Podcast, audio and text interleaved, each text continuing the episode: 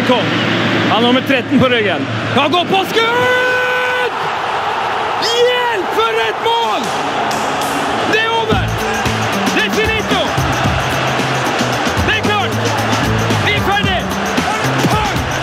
Heia fotball med Tete Lidbom og Sven Biskår Sunde.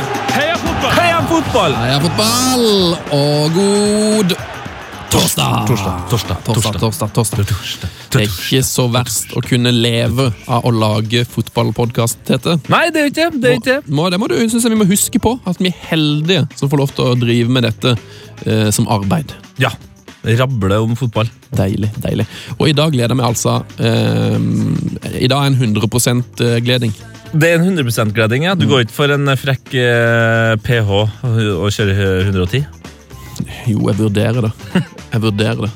Hvor, altså Hvis jeg stiller deg et spørsmål nå, mm. hvorpå spørsmålet er Hvor mye gleder du deg til kveldens eh, sending? Eh, 110 eh, Godt å høre. Og jeg gleder meg til parseremonien i kveld, Tete. Ja, det er det. Konge. Tror Parseremonien i kveld er vel strengt tatt Rosenborg og Ajax. Ja, Tror du Ajax eh, velger ut Rosenborg, eller Uff, jeg er redd for at uh, Ajax- jeg, slipper kula? jeg, jeg frykter at det er Ajax som slipper kula, rett og slett. Eh, Eller er de i posisjon til å slippe kula? Det er vel strengt tatt Rosenborg som leder 1-0, så da er det vel kanskje dem som skal slippe kula. Og er det bra å slippe kula for Rosenborg? Ja, egentlig så er det. Da stikker de jo av med alle pengene. Da er det jo veldig bra. Ja, da, håp, da, Da håper vi at Rosenborg slipper kula i kveld. Eh, sånn ellers, da. Hva skjer um, i livet? Jeg har, um, jeg har lest en hel haug med bøker i sommer. Det har vært veldig deilig. Jeg har kommet inn i en sånn god lesestim igjen nå. Som om, som om du ikke leser bøker til vanlig. Altså Det eneste du snakker om når vi åpner podden, med unntak av mat, da, Ja. selvfølgelig, hva du har spist i det siste Det har vi fått streng beskjed om internt i NRK, at vi skal ikke snakke om mat i åpninga av denne podkasten. så er det bøker du snakker om. Ja, eh, og jeg leste ferdig eh, Skal du anbefale eh, tunge, lange litteraturverk? eh, li, litteraturverk? Nei, jeg, jeg har begynt å lese veldig mange korte bøker nå. Ja. Eh, Noveller? Nei, korte, korte romaner. De, det anbefaler jeg. Finn tynne Komaner? Komaner, ja. Ja. Leste ferdig en uh, Dag Solstad-bok i natt. Eh, profe, professor Andersens eh, natt, tror jeg den heter. Ja. Veld, veldig kul Alle om eh, Jørn Andersen, eller? Nei, det, eh, og det, det er gøy i den boka at eh, det tar veldig lang tid før, du, før han faktisk sier hva hovedpersonen heter. Jeg tror det er på sånn side, side 80 eller. Litt som starten på podkasten her. Det tar veldig lang tid før vi i hele tatt kommer oss til det som er poenget. Fotball. Fotball. ja. Yes. Åssen går det med gutten? Har Du- du noe fotballnyhet å bringe ja, til det går veldig fint, eh, selv om jeg fikk eh, altså refs eh, Ja. rett i, på vei inn i studiet her. Altså, altså fikk hårføner, rett og slett. Du fikk en skikkelig hårføner òg. Av, av NRK Tyholts eh, Alex Ferguson. Altså, hadde han hatt en sko i nærheten, så hadde han sendt den rett mot hodet mitt. Mannen jeg snakker om, er selvfølgelig Tore på sporet, som er en av Norges største Cardiff-fans. Ja. Han klikka altså i vinkel på meg for at jeg ikke har eh, gjort, uh, gjort den Altså, han er jo oppmerksom på det, men at jeg ikke har gått bort og sagt Hei! Gratulerer for en fin uh, ligastart Cardiff. De har jo da fire seire på uh, fire mulige. Tolv pluss i målforskjell. Mens eh, du, Nei, de har, nei, de har tatt tolv poeng. Jeg tror de har sju pluss i målforskjell Oi. og leder nå championship. Sju pluss, det er jo Ipswich, ikke det?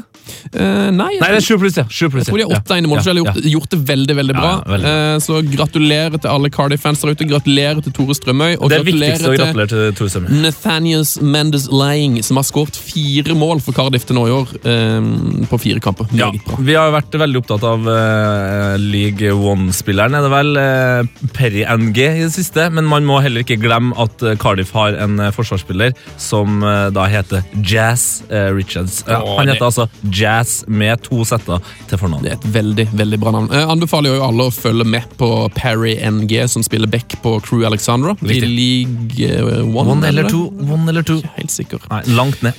Skal vi ta imot dagens gjest? Du, det skal vi gjøre.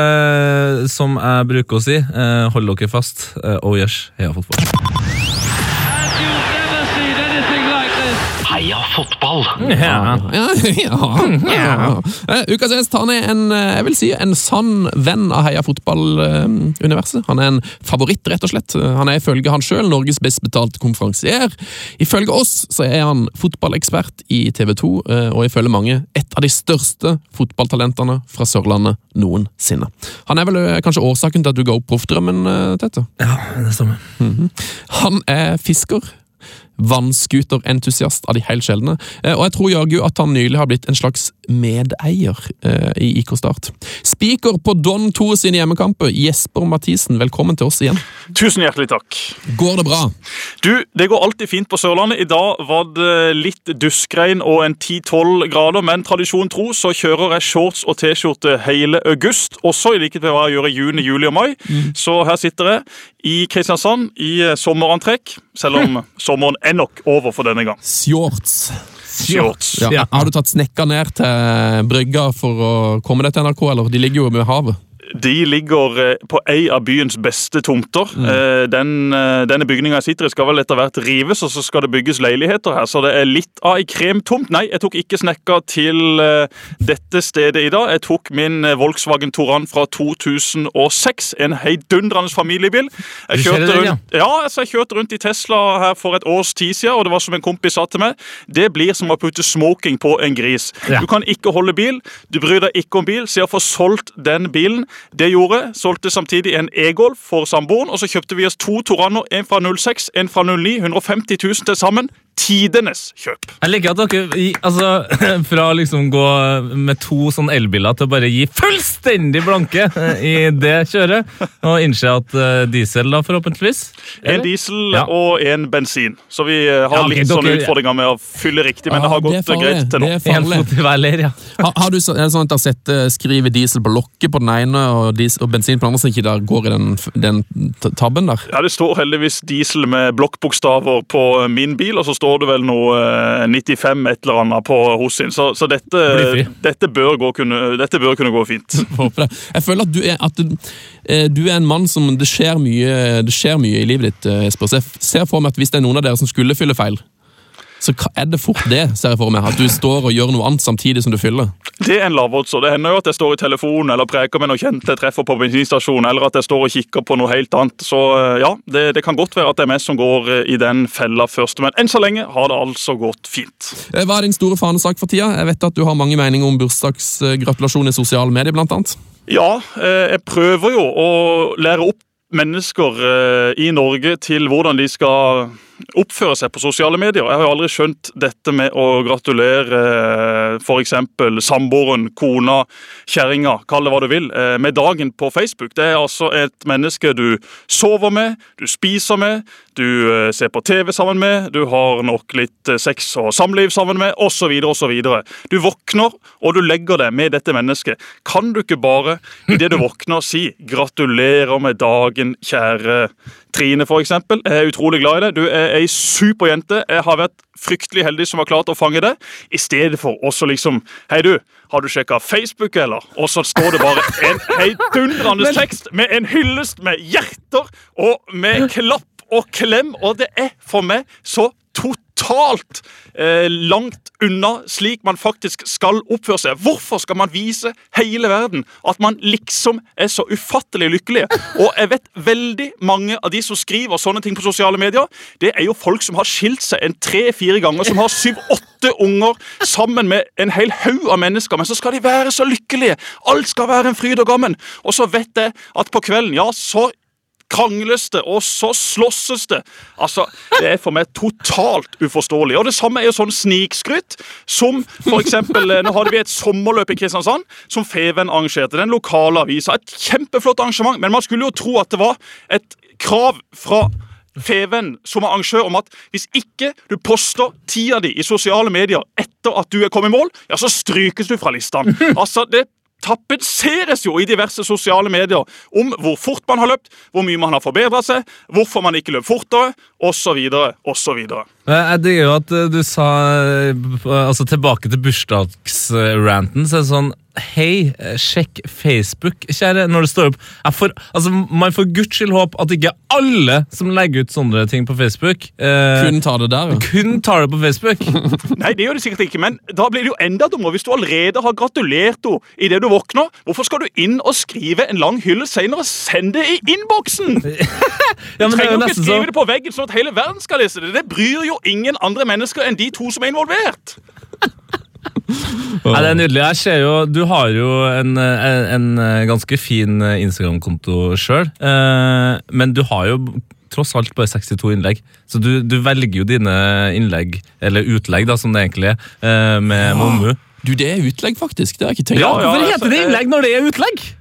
Nei, det, det får være en annen diskusjon. Det får vi ta en annen gang. Men jeg må jo passe meg, ikke sant? for jeg har vært ganske krass på disse tingene opptil flere ganger. Og så er jeg også veldig glad i å liksom inn og så kommentere, da, men da, da må jeg jo kjenne disse menneskene litt. ikke sant? At eh, Hvis det er noen som sjekker inn på en restaurant nede i København, så syns jeg det er veldig skrevet. Ok, men det, det er greit, da vet vi hvor du er. Altså Sånne ting syns jeg kan være litt morsomt. da, Iallfall i mitt hue. Det, nå skal jeg, det her blir første gangen jeg sjekker inn på en restaurant eh, eh, på mange herrens år. Kanskje noen gang. Eh, Skal du på Fridays baker Aker Brygge? Nei, men jeg skal til København eh, i helga. Da håper jeg Sjekk inn, Tete. Sjekk inn. Jeg skal gi deg en like. Ja, det er greit. Eh, Jesper Mathisen, du har blitt, eh, ja, jeg sa du har blitt medeier i Start. Eh, det stemmer vel på en måte litt?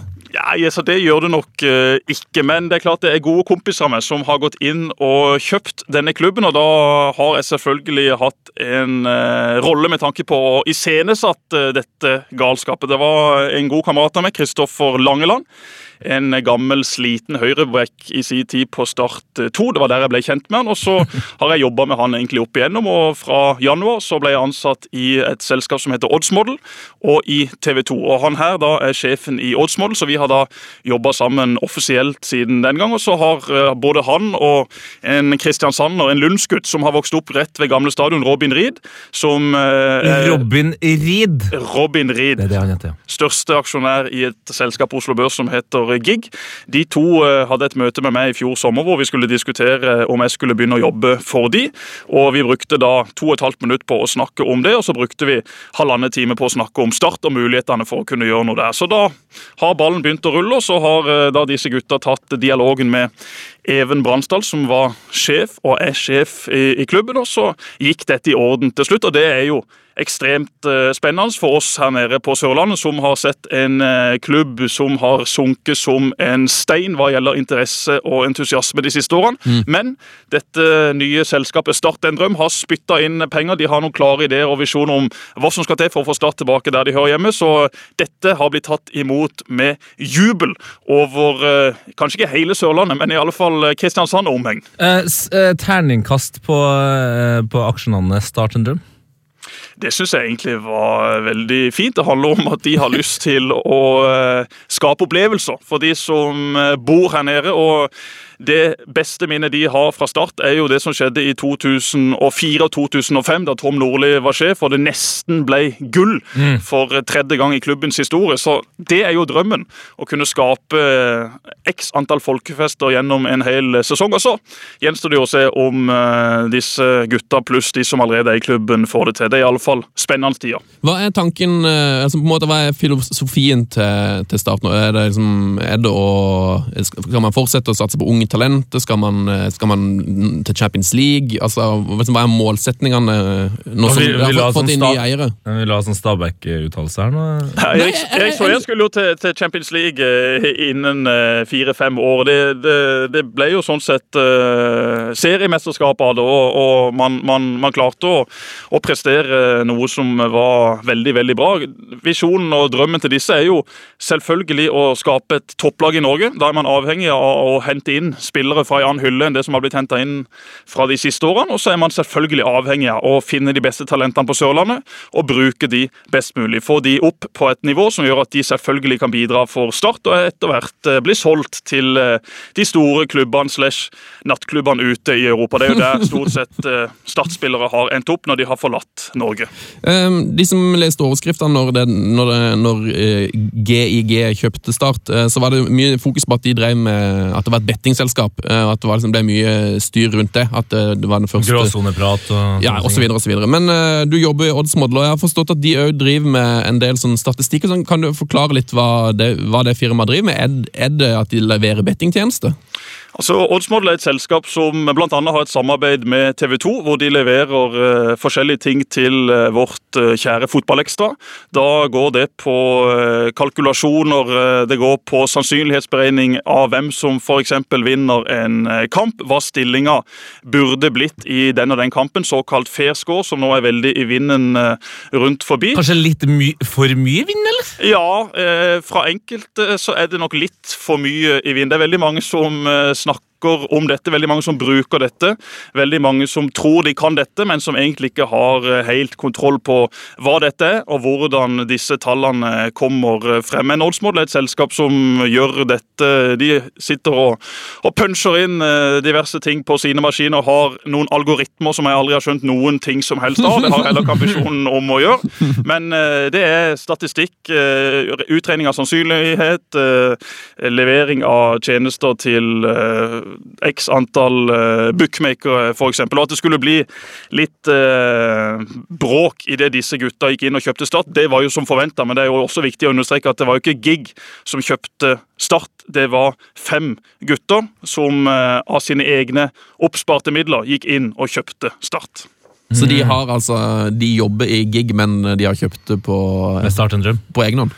Ja, altså Disse gutta er store aksjonærer i Gig, men det er jo penger som de holdt på å si, ikke tar fra, fra Gigs kasse, men fra sin egen kasse. Så om de ville gått ut og, og kjøpt seg en fire-fem yachter, eller om de ville kjøpt seg en, en fotballklubb, det, det må jo sånn sett være det samme.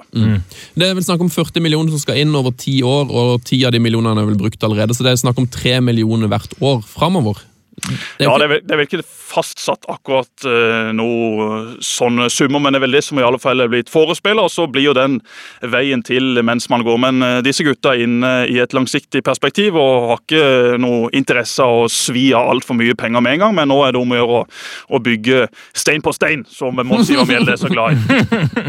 Slipp inn sola. Slipp inn sola. Jeg savner forresten Mons han er. For en fantastisk mann. Ja, Mons, ja.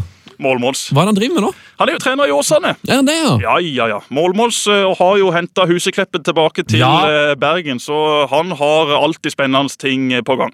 Eller baklengsmål-Mons, som de morsomste av oss kalte han en periode i start. Oh. Det er, Ja, det, den det, det, det, den, den skal vel noen av oss som spilte i Forsvaret, ta på vår kappe. Du, Apropos eh, samarbeidspartnere. Eh, har du møtt Ole Martin Aars til det siste? Dere har jobba sammen i TV 2. Jeg møter Ole Martin aldri.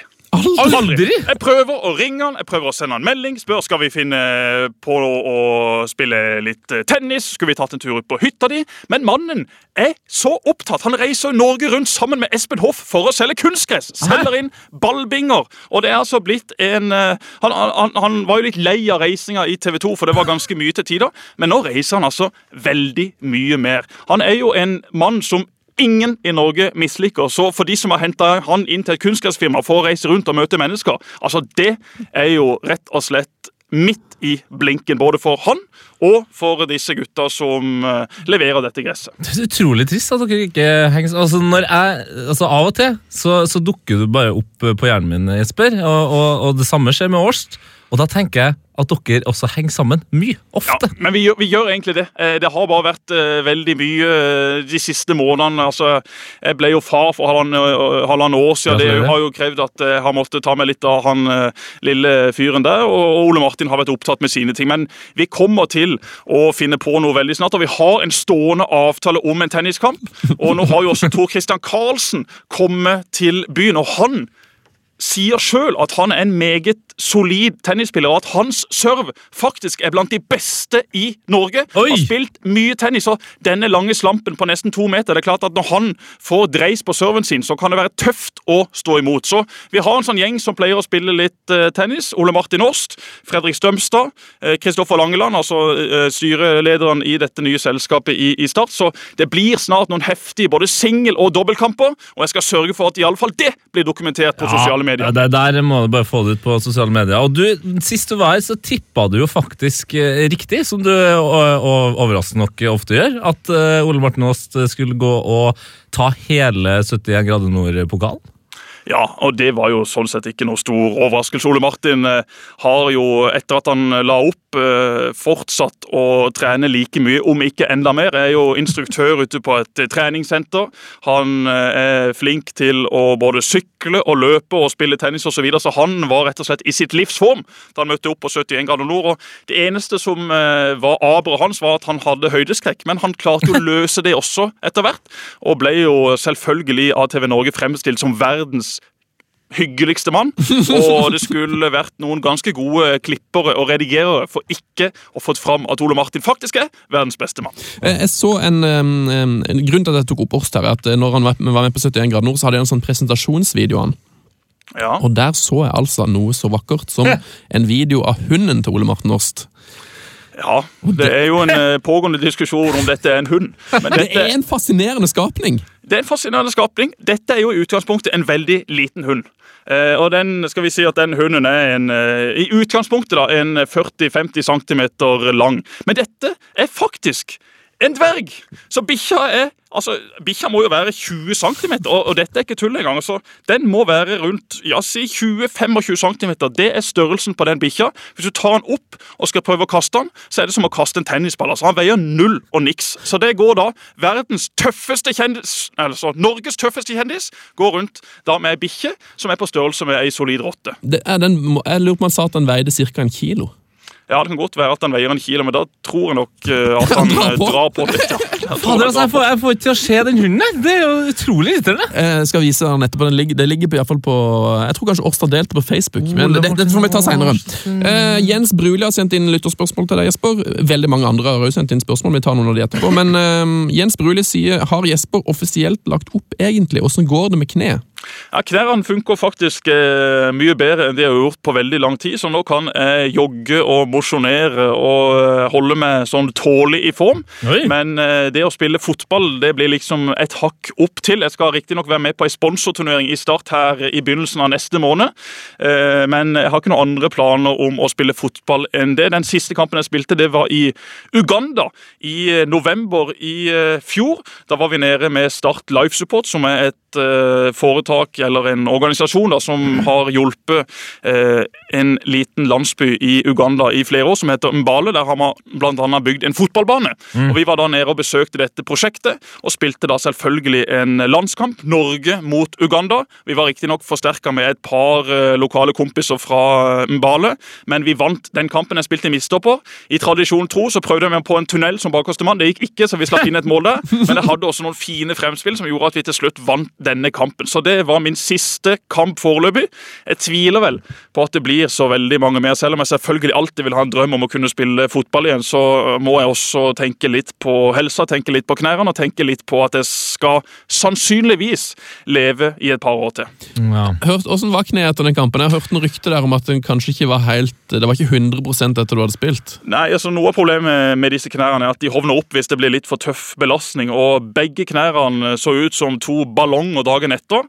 og Da skulle vi kjøre åtte timer i Nei. en sliten uh, Hyundai minibuss med en sjåfør som brant over alt som var av fartsdumper og ujevnheter i veien. Det var altså det, det ene stykket vi kjørte i to timer. Dette er ikke tull. Men det var tydeligvis noen som hadde funnet ut av at eh, det å bygge fartsdumper det kan være smart for sikkerheten. Så de hadde altså bygd fartsdumper hver 15. meter. Og vi kjørte det i to timer, og det var sånne små fartsdumper. For de som har vært på La Manga, eller for de som har vært i utlandet, så er det ikke sånne, sånne lange, fine eh, fartsdumper som vi har i Norge, men litt sånn korte, aggressive ja, de som alltid lager Gidding! Ja, Gidding! de som De de der, ja. Når du kjører da i to timer med det, med et uh, dårlig kne eh, Ja, og fotplassen i en gammel hund da er ikke akkurat uh, Nei, Det ikke for en var- 1,97 høy sørlending. Nei da, det var ikke det. Var sånn faktisk at til tider så satte jeg med beina ut av vinduet for å, for å få plass. Eh, Jeg måtte bare si at ikke vi, at ikke vi traff noen på veien, men det gikk heldigvis fint. Men uansett så måtte jeg innom et apotek for å kjøpe meg noen eh, medisiner eh, med tanke på å få ned denne hevelsen. Og det er klart at hvis Team Johaug gikk inn og kjøpte Klosterbol, så, så det jeg kjøpte nok ganske mye verre. For hevelsen var altså borte i løpet av fire-fem timer. Og det har vært et problem gjennom hele min karriere at knærne mine veldig ofte har hovna opp. Så hadde jeg hatt tilgang til dette, så hadde jeg nok ja, så, så, så hadde jeg nok røket hvis Antidoping Norge hadde kommet på besøk, men jeg hadde i alle fall kunnet spilt fotball uten altfor mye smerter. Så de medisinene jeg fikk eh, tildelt av min gode venn bak skranka der nede, det var nok ikke noe jeg skulle tatt for mye av her hjemme i Norge, men det funka i alle fall som bare det der nede, og det var faktisk eh, veldig viktig for å kunne fullføre den kjøreturen. Det må folk huske på at eh, hvis det er lovlig der du er, så er det jo lovlig. Eh, Ja, det tenkte jeg også, og det var ikke noe fare for at Antidoping Norge skulle, skulle skulle ta igjen vår sjåfør som kjørte som et olja lyn, så, så jeg følte meg ganske trygg der jeg satt. Eh, Morten Øgård sier hilser Jesper og sier at han er en jævla fin fyr. Eh, Da er det overlevert. Um, Og så har vi snoka litt på internett på det, eh, Jesper. Ja. Og jeg ser til min store glede at du har vært i Mandal og fiska i juli. Ja. Sju kilo laks på første kast, skriver du. Ja. Eh, I kommentarfeltet der blir du dog ikke trodd. Nei. Eh, Kan du utdype litt? Eh, Torjus Eide sier har du fortalt din mormor og morfar sannheten om laksen, Jesper? Nei, Nei! det har jeg ikke.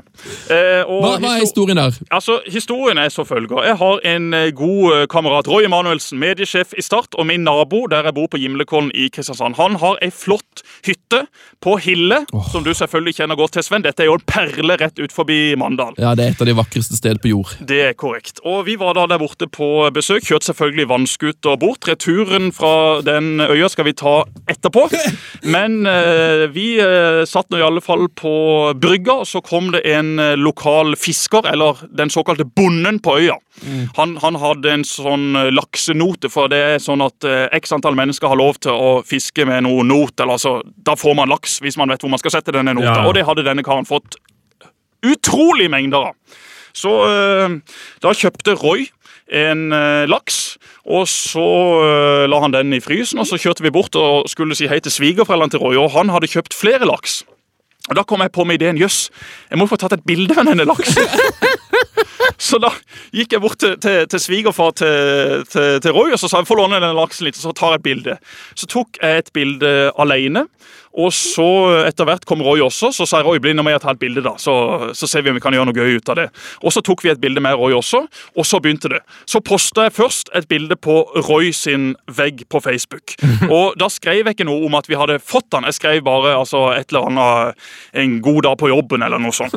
Fordi at Roy er en, en kar som eh, visste hva som var i gjære, så han var veldig skeptisk til hva jeg skulle gjøre. Så han sa nå må du ikke skrive, nå må du ikke si at vi har fått denne fisken på. Vi bare legger ut et bilde stille og rolig. Ingenting mer. Men på min egen Instagram-konto der måtte jeg jo selvfølgelig male litt med brei pensel. Så da skrev jeg da at jeg hadde fått denne laksen på en ja, 6,5-7 Syv kilo. kilo har du Syv skrevet kilo. Yes, Ja. korrekt. Og det ene bildet var jo uten finnene til fisken, for det hadde da svigerfar kutta av. Men jeg hadde heldigvis tatt et bilde litt tidligere hvor finnene faktisk var på, så da kunne jeg bare legge ut det og si ja, men hei. Jeg måtte jo selvfølgelig filetere fisken og, og, og, og få lagt den skikkelig i frysen. Så øh, begynte jo egentlig hva skal jeg si, eh, Historien begynner jo egentlig nå. Eh, fordi at eh, jeg fikk jo etter hvert ganske mange telefoner som spurte jøss, har du fått laks? Mamma var den første som ringte. Hun eh, vet at jeg kan bløffe med sånne ting. Eh, det er jo ikke fint å lyve og det er ikke fint å bløffe, men det gikk jo ikke utover noen. Så jeg tenkte dette er jo en fisk, altså det er jo bare morsomt. Dette blir jo bare en god historie når jeg skal besøke Heia fotball etter sommeren, så denne kjører vi på. Så mamma hun eh, ringte meg og spurte du fikk ikke den laksen, sa hun. Hvem har du fått denne? Så sa jeg jo, jeg fikk faktisk denne laksen. Jeg fikk han på en wobbler.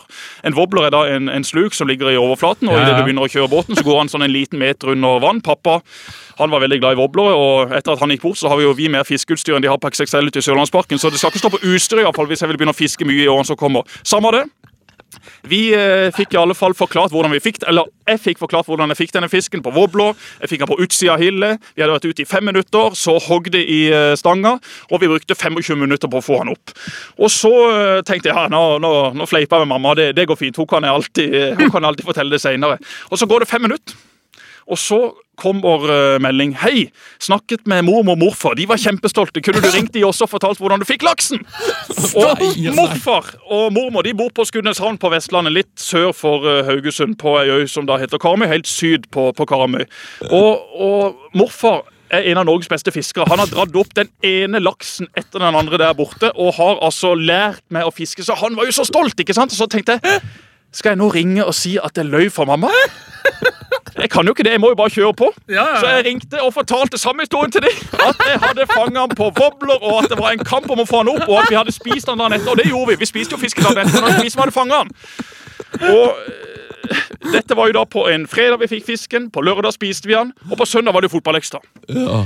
Og eh, da kommer jeg opp til eh, min gode venn Davy i Bergen, og Hei, han ser jo denne laksen, og, og Davy trodde jo på det, han også. Nei nei. Og eh, det var jo sånn sett greit. Men vi snakka jo om denne laksen i uten å overdrive, syv-åtte minutter på fotballekstra. På fotballekstra! På fotballekstra! Så eh, x antall minutter av den sendinga ble brukt til å snakke om denne laksen. Og da kunne jeg jo i alle fall ikke begynne å backe ut. Så da måtte jeg bare brenne på enda mer. Så eh, de som så fotballekstra den gangen, jeg beklager. Det er en av de få gangene jeg faktisk har snakka usant. Jeg pleier å være en ærlig kar. Jeg pleier å si min ærlige mening. Men akkurat i det tilfellet så syns jeg faktisk at denne historien måtte få lov til å leve videre et par uker til. Men jeg fikk aldri den laksen. Det, det gjorde jeg dessverre ikke. Nei, det er en god historie. Ja, det ble en veldig god historie, så det, jeg synes det er ekstra tungt for dem som i kommentarfeltet her er mest opptatt av at eh, laksen ikke er 27 kilo. Altså, De er mest opptatt av den kanskje fire, jeg strekker meg til fem. Ikke sant? Eh, Hele poenget er at du ikke har fått den i det hele tatt. Yes, det er korrekt. på første kast i Hillesund. Ikke sant? Ikke Hillesund. Med våpen. Ikke Hillesund, Ja, rett men på det ser, utsida det av ser Hille. sånn ut på, in, på in, in, Ja, ja, vi Instagram. står inne i Hillesund, det gjør vi. Det, gjør vi. Det, Ja. det er korrekt. Eh, mer snuking fra Facebook, eh, og på Facebooken din, eh, Jesper Mathisen, der handler det mest om vannskuterregelverk. Eh, din, sto, din store kampsak her i livet. Ja. Eh, Du lovte oss en vannskuterhistorie her i stad. Vi kan jo kanskje bare Hva er ståa på vannskuterbruk i Norge nå? Ståa er jo at det nå har gått i, i vår retning, da. Vi som elsker å kjøre på vannskuter. Nå er det verre og verre å stoppe oss. Nå kan vi kjøre rundt eh, så lenge vi oppfører oss som alle andre båter, så lenge man følger det samme reglementet, så er det fritt fram egentlig for vannskuter. Det er noen, som, noen politikere og noen politimenn som ikke helt har lest regelverket, som tror at de fortsatt kan eh, stoppe de stakkarsene på vannskuter, men du vil ryke i en domstol til slutt, så det er ikke noe vits å stoppe, det er ikke noe vits å gi bot hvis ikke det er sånn da at vannskuterne har kjørt for fort, der de ikke får lov til å kjøre fort, akkurat som det er med resten av alle de som kjører båt i Norge. Men i alle fall så kjørte jo vi da vannskuter til Hille, og det er jo en tur som tar eh, Ja, hvis du gir på litt, så tar det 30-40 minutter fra Søgne, hvor, hvor vi da har hytte. Og det er jo sånn sett veldig greit å kjøre på dagen, men hvis det blir for mørkt, så, Ja. så blir det en utfordring. Det, det, vet alle som har vært på sjøen, at når det blir mørkt på sjøen, ja, da blir det mørkt. Da kjenner du nesten ikke igjen noen ting som helst. Og vi måtte hjem på kvelden, og jeg drøyde det i kjent stil og så liksom opp på skyene og tenkte ja, men dette går jo fint, nå må du slutte å mase, Trine. Vi skal snart kjøre hjem igjen til Søgne. Det var så god stemning i Hille, eh, der vi, der vi da satt og, og fortalte skrøner om, om den eh, gigantiske laksen. Så vi satte oss på, på scooteren eh, sånn i tidraget, og da ble det plutselig kjempemørkt. I tillegg så begynte det å blåse, og så begynte det å regne. Og når du kjører i 50-60-70 knop på en vannskuter, eh, så er disse regndråpene ganske vonde å få i ansiktet. Da blir det vanskelig å se når det i tillegg da blir mørkt. Og når du i tillegg har en sånn smådesperat og redd samboer bakpå, så har du ei utfordring. Og eh, vi måtte hjem, eh, så jeg måtte jo bare prøve å spille kul og si at ja, men dette går fint, nå må du ikke være redd, liksom. Jeg har full kontroll. Men sannheten er jo at jeg, jeg var ganske redd sjøl. Jeg skulle aldri kjørt hjem så seint eh, på kvelden. Eh, Jeg var heldigvis veldig godt kjent, så jeg kan sånn sett nesten kjøre i blind. Men du vet jo aldri om du har glemt et lite skjær eller en stolpe, eller noe sånt, så, så jeg var litt sånn småredd. Men det gikk fint. Jeg fant noen eh, lys langt borti Hutti Heiti som eh, noen eh, fyr har eh, fått tent opp, så jeg kom meg hjem igjen til hytta etter hvert. Men eh, jeg sa det da vi kom fram, at eh, vet du hva, neste gang så sover vi over, og så eh, får vi kanskje vurdere om vi skal kjøre litt tidligere hjem. Så det er vel den eh, mest farlige skuterturen jeg har hatt eh, denne sesongen. Utenom det så foregikk alt i veldig trygge omgivelser. Ja, Det er godt å høre. Spiller du Fifa fortsatt? Nei, ikke så mye. altså. Det har blitt mindre tid til eh, Fifa eh, de siste årene. Men jeg går ikke av veien for en kamp Fifa hvis jeg blir utfordra på det av noen kamerater. altså. Nei, fordi jeg, jeg, altså, før, før du kom her nå, så måtte jeg bare søke opp liksom, dine siste år på Fifa. Og det ble jo da faktisk Fifa 14. Eh, så jeg bare tenkte vi skulle sjekke liksom, litt eh, med statsen dine, om du husker sånn cirka hvor du ligger hen. Eh, fordi du, du har jo noen helt åpenbare styrker, og kanskje, kanskje noen åpenbare svakheter. Ja, altså Det eneste jeg husker, eh, er jo at jeg var enormt sterk på det eneste Fifa. Jeg var altså den 13. sterkeste spilleren på Fifa. Jeg var på samme liste som Akin Fea og gutta. Ja, ja, ja. Jeg var eh, likt med Zlatan. Så, så, så det, er, det er jo det jeg husker. Alle de andre stedsene, det tenker jeg meg, det er jo, det er jo variabelt, for jeg hadde jo ikke 90 på overall, så noen ting må jo ha trukket godt ned her. Så det, den ser jeg også, og det var nok også reelt. Altså, eh, På strength så har du faktisk da 93. Altså, det er jo det er Ja, og, skikkelig det, og det er faktisk ikke et eh, poeng eh, for mye. Nei, eh, men, men hva du for deg at du hadde i balance, for eksempel? I balance, altså, Jeg vil jo faktisk si at jeg har ganske god balanse, men når du spør som det, jeg må jo ned på 40-tallet, da. Tror du må lenger ned, ja. Oi, ned 20! 29! 29! Ja, ja, du skal være glad jeg har holdt. for hvis jeg hadde hatt alkohol i blodet innimellom, så hadde jeg jo gått på trynet rundt den ene og den andre svingen, så det er kanskje greit. Men det er klart, når du er 1,98 høy det er Kanskje at de bare har sett at han er 1,98 Ja. høy, men glemt at jeg har 47 i sko. For det er klart at hvis noen med 47 sko har dårlig balanse, ja, da er det noe alvorlig galt med disse balansekunstene oppe i hjernen. Så jeg vil faktisk si at der har Fifa bomma. De har glemt å sjekke hva slags flytebrygger jeg går rundt på. Ja, eh, Vi skal ta to, eh, to til før vi går videre. To kanskje litt overraskende. Vi får se. Aggresjon. Nei, Det burde jo vært eh, på banen 99, og, og i livet ellers er jeg ganske rolig, så kanskje de har tatt en mellomting. eh. De har gått for mellomting 51. Ja, det, det er feil, vet du. Det er, det er så mange eh, som jeg har spilt mot og med, og som har sett meg spille, som har fått, uh, fått sjokk. For jeg var altså totalt usmakelig på banen når jeg hadde mine verste dager. Hadde jeg sittet i studio og skulle evaluert meg sjøl, så hadde jeg virkelig fått eh, kjørt meg. For det er ikke alltid jeg var like stolt over hva jeg hadde levert uh, fra min munn og min være våt ute på banen etter en, etter en match eller en trening. Eh, Men tror du at du er stolt over Fifa 14-staten din på shot power? Altså, det, det bør jo være det. Jeg, jeg, kunne, nå, jeg kunne nå skyte, så, eh, så det bør jo være, det bør være høyere enn en 50, altså. Det er 77. Det er bra, altså! Ja, det er bra. 77 Ja, det, det, er bra, altså! det, det er ganske bra, det, altså. Det, Eh, det er det. Føler du at det er, altså, er det noen, noen av de tingene her du har på en måte blitt bedre på eh, etter at du la opp? Altså, Jeg er nok uh, blitt uh, mer aggressiv i, i det daglige. Fordi at før ja. Men så Før så, så, hadde jeg, så hadde jeg jo en fotballtrening, og jeg hadde en kamp i uka til å få ut all frustrasjonen min. Og det å kunne gå på trening og krangle og slenge dritt og være totalt usmakelig, for så å shake hands i garderoben etterpå, le av det og bare kjenne Vet du hva, nå har jeg fått ut så mye energi. Men jeg får jo ikke det lenger nå! Så jeg har jo et kjempeproblem. Jeg må liksom, jeg har et par grupper på Facebook, jeg har et par sånne meldingsgrupper med et par kompiser og litt forskjellige folk, der jeg bare liksom noen ganger bare må få lov til å tømme meg. Og da får altså den ene etter den andre kjørt seg. Og da er det altså, Hadde noen fått tilgang til dette, så hadde det nok blitt lagt inn på et eller annet foretak eh, i, i, i denne byen. For, for der kommer det veldig mye rart. Og det samme er jo da Roy Emanuelsen, min, min gode nabo, mediesjef i, i Start. Eh, Vi har oss en fire-fem joggeturer i løpet av uka, og det er rett og slett bare, som han sier, for å lufte Jesper. Jeg må nå tar han med meg ut i skauen, så kan vi få snakka igjennom både små og store problemer. Når man kommer hjem fra den joggeturen, ja, så er ting snakka igjennom, og da går det fint å leve, leve videre den dagen. Eh, du har bedt om tilsvarsrett eh, på, på noe som har blitt sagt i Heia Fotball, eh, Jesper. Eh, Ja, Kan jeg bare kjapt bare skyte inn en, en kommentar under denne Fifa-stat-sida? ja, selvsagt. selvsagt. Eh, det, det er en som har skrevet 'Thinking about getting him?' spørsmålstegn. Do it, he's a monster. Ja, Det var, det var meg som var inne og kommenterte det siste. der. Nei, vi, hadde, vi hadde Roger Risholt her på besøk for noen uker siden, Jesper. Ja, eh, og nå husker jeg ikke i farta om det var Roger eller Kai som var på besøk, men i alle fall, eh, denne her Isholten påsto at jeg ikke hadde god humor, og det faller jo egentlig på sin egen urimelighet. Eh, Jeg vil jo ikke si at jeg er en av de morsomste menneskene i Norge, men jeg Altså, Jeg treffer jo med en kommentar eller to innimellom. Så, så det da at, at Risholt eh, fra min eh, konkurrerende kanal Eurosport mente dette, det får stå for hans regning. Han syns faktisk at jeg er veldig morsom, og det har jeg hørt han har sagt flere ganger sjøl. Så at han skulle liksom komme her i Heia Fotball og prøve å tøffe seg, det går ikke. Og jeg skal ikke begynne å dra historier om Risholt-slekta akkurat i dag, men eh, bare vent, Roger, som vel var her på besøk. Du skal få igjen så det synger. Har du en favoritt-Risholt? Har du tatt stilling til Kai Roger-dilemma? For, for å være litt seriøs, da, det er jo to fantastiske gutter. Både Kai, som jeg har eh, spilt sammen med, og og Roger, som jeg ikke har spilt sammen med, men som jeg har blitt veldig godt kjent med nå de, de siste årene. Det er rett og slett en, en, en gave til, eh, til alle oss som får lov til å være vennene de sine. Og Kai har jo en, en, en Snapchat-konto, og den, den leveres det på dagen lang. Han er, han er veldig opptatt av å, å, å delegere, og det samme var han jo på banen. Han sa jo det, det er bedre å stå riktig enn å løpe feil, og så sto han og pekte og, og kjefta på alle de andre, sånn at han kunne bli spilt så god som mulig.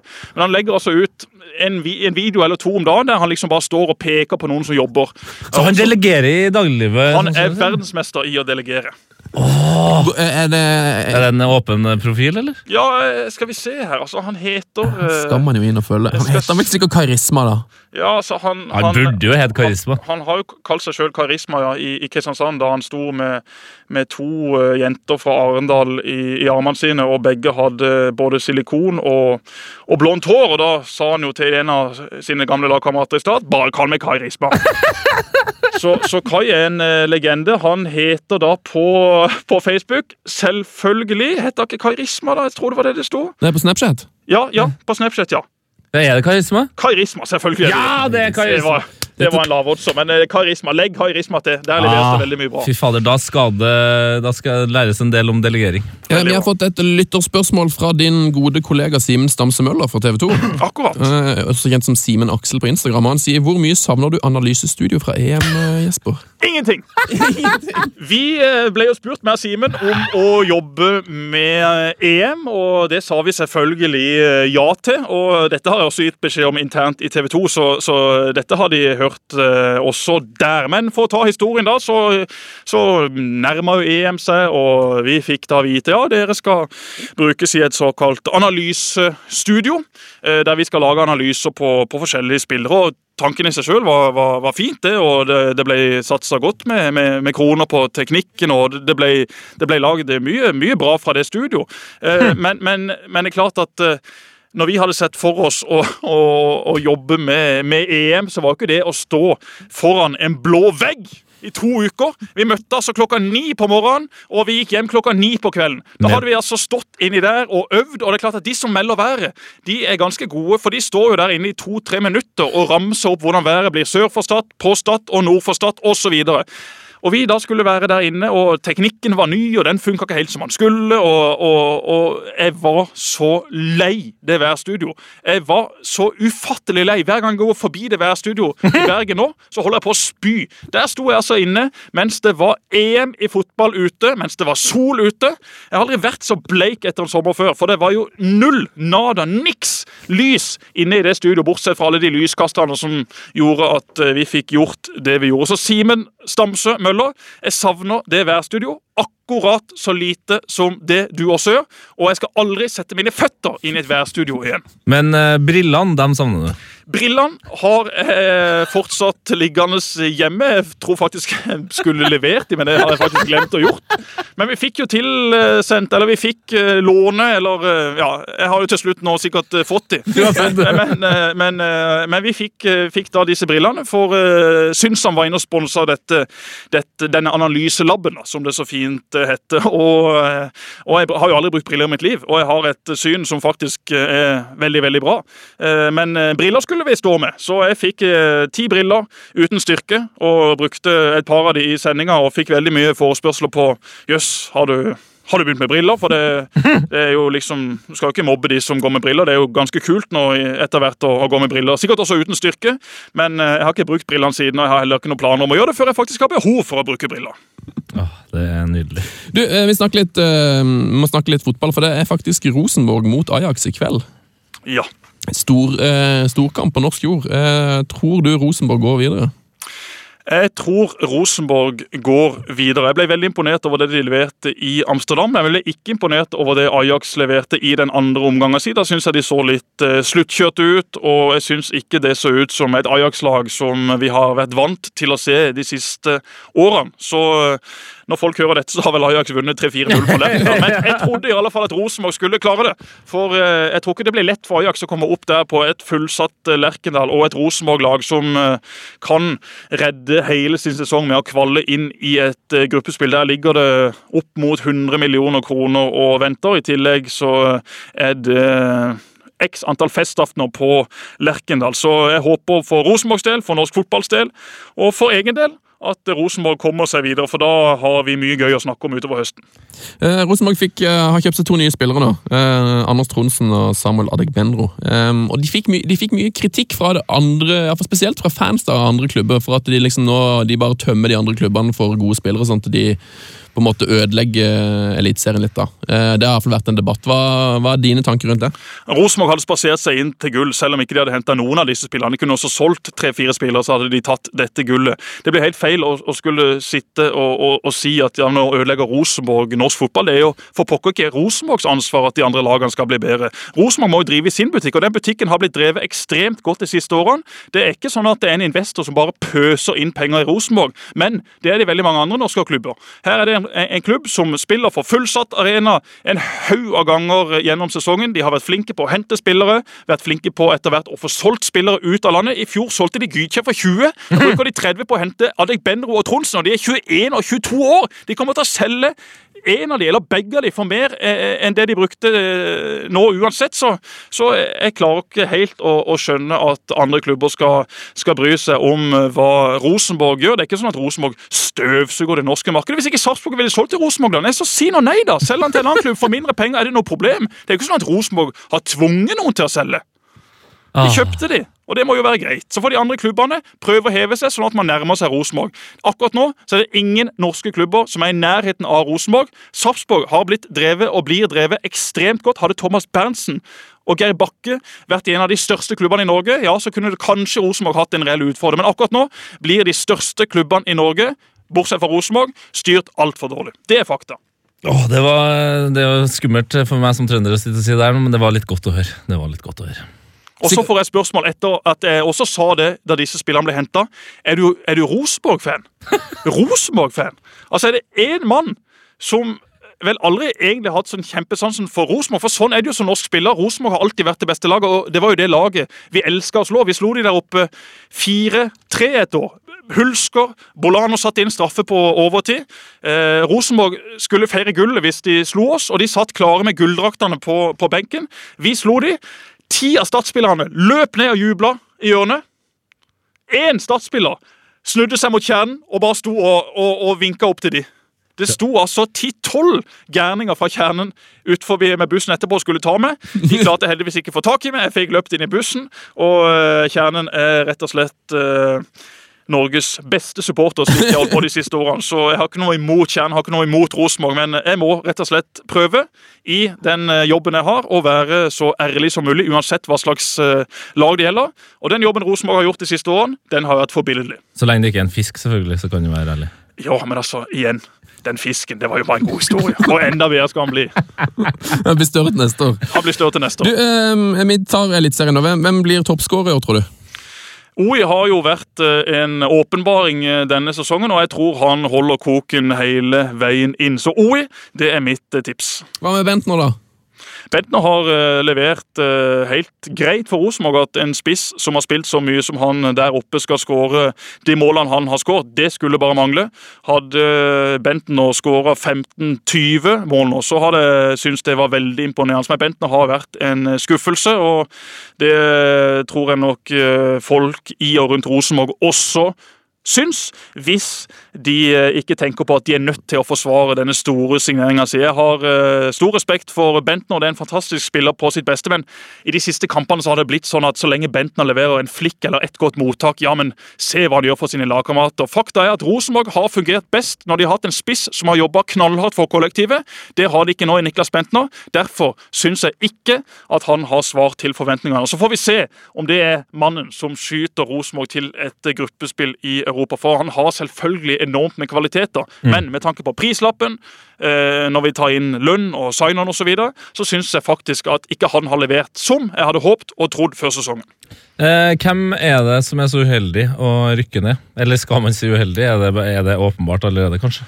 Viking eh, har jeg hatt troa på lenge, men nå har de mista deg Benner, og de taper jo hver eneste kamp eh, på slutten. Så, så, Ja. så for Viking ser det veldig tøft ut. Jeg frykter også litt for Kristiansund.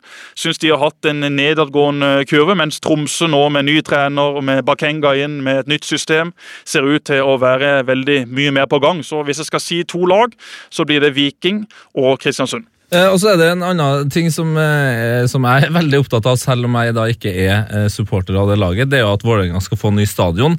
Og, og de har jo slitt ganske bra fram mot denne stadionåpninga. Og problemet er jo ofte at når lag får en ny stadion, så går det dårlig. Men vil det her kanskje virke motsatt vei for Vålerenga? Det er veldig mange som eh, tror at en ny stadion vil løse mye av Vålerengas eh, problemer. og Det vil selvfølgelig skape en ny giv, en ny entusiasme osv. Men, men det er ikke sånn at, eh, det er ikke, sånn at det, er det, som, det, er ikke det, det er ikke det som skal snu dette for eh, Vålerenga. Først må de eh, få bytta ut et par av de spillerne de har. Ronny Deila har fått eh, mye kritikk, og det har til og med til og med vært stilt spørsmål ved hans eh, stilling som trener i Vålerenga, men Deila må få, må få mer tid. Han trengte tid i Drammen til å skape et storlag. Han må få tid, og vil få tid i Vålerenga, heldigvis, til å skape et uh, godt lag der også. Men Vålerenga anno 2017, det er en uh, stor skuffelse, det også. Jeg hadde trodd at uh, Deila skulle få enda mer sving på det allerede nå enn det han har gjort. Så en ny stadion vil ikke løse veldig mye av det som har vært Vålerengas problem i år. Eh, Det har skjedd noe annet eh, jeg vil si banebrytende nytt i norsk fotball denne uka. her. Det har blitt tatt ut en ny landslagstropp, eh, og Lars Lagerbäck og Perry de bøy på en pressekonferanse der, som jeg vil si var noe utenom det vanlige.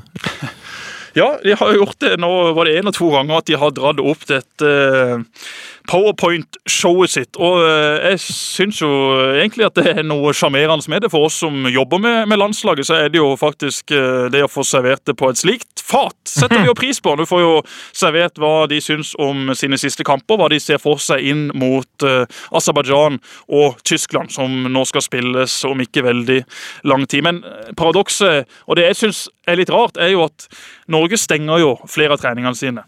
Eh, men man sitter og serverer hele verden eh, svakhetene og styrkene til de lagene man skal møte. Ja, for De analyserer motstanderne på pressekonferansen. Ja, det er det de gjør. Og, og det er klart at uh, Hvis jeg hadde vært trener for Aserbajdsjan eller, eller Tyskland, noe jeg sannsynligvis eh, aldri kommer til å, å bli ikke si det. Ikke si det. Jeg har en treer i tysk fra, fra ungdomsskolen, så det kan gå. Det kan gå. Men jeg synes det er litt rart at de sitter da og, og viser, eh, viser alt dette. Eller ikke alt, selvfølgelig. De har jo veldig mye mer de har jobba frem. Men Det hadde vært rart å se liksom Mourinho gjøre det samme når han skal Ja. møte Arsenal, liksom. altså, hvis man er så himla redd for å gi ut noe som helst informasjon eh, rundt lag og taktikk, så ville jeg i hvert fall ikke gjort det på en pressekonferanse. Da ville jeg kanskje heller åpna en trening eller to. Men jeg, jeg syns det er litt kult, for som regel så får man jo, får jo trenerne spørsmål etterpå. Eh, ok, Hvor godt kjenner du dette laget? Hva er deres styrke? Hva, hvordan kommer dere til å angripe kampen? Og her, Nå kvitter de seg jo egentlig bare med det spørsmålet. De sier her er motstanderne våre,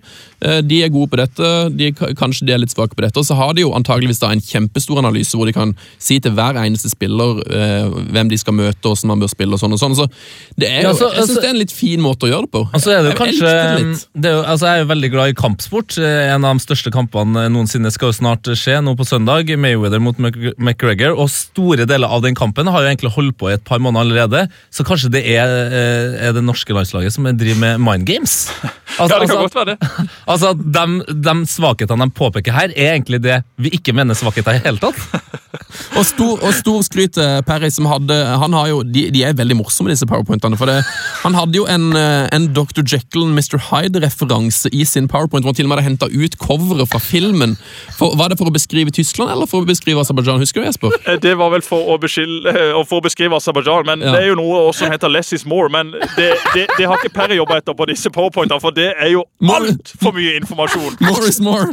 Ja, more is more. Men eh, både Perry og Lagerbäck eh, To veldig hyggelige trenere og mennesker får lov til å eh, jobbe, jobbe rundt, så, så all, all ære til, til de, og vi, vi heier på de alle mann her i, her i Norge. Men eh, at, eh, at disse powerpointene skal bli noe man snart ser rundt i alle de store landslagene og alle, de store klubbene, det har jeg vel mine tvil om. Eh, du, er vi inne på landslaget. Eh, vi skal altså i Heia Fotball intervjue Drillo på Rockefeller eh, torsdag 28. september.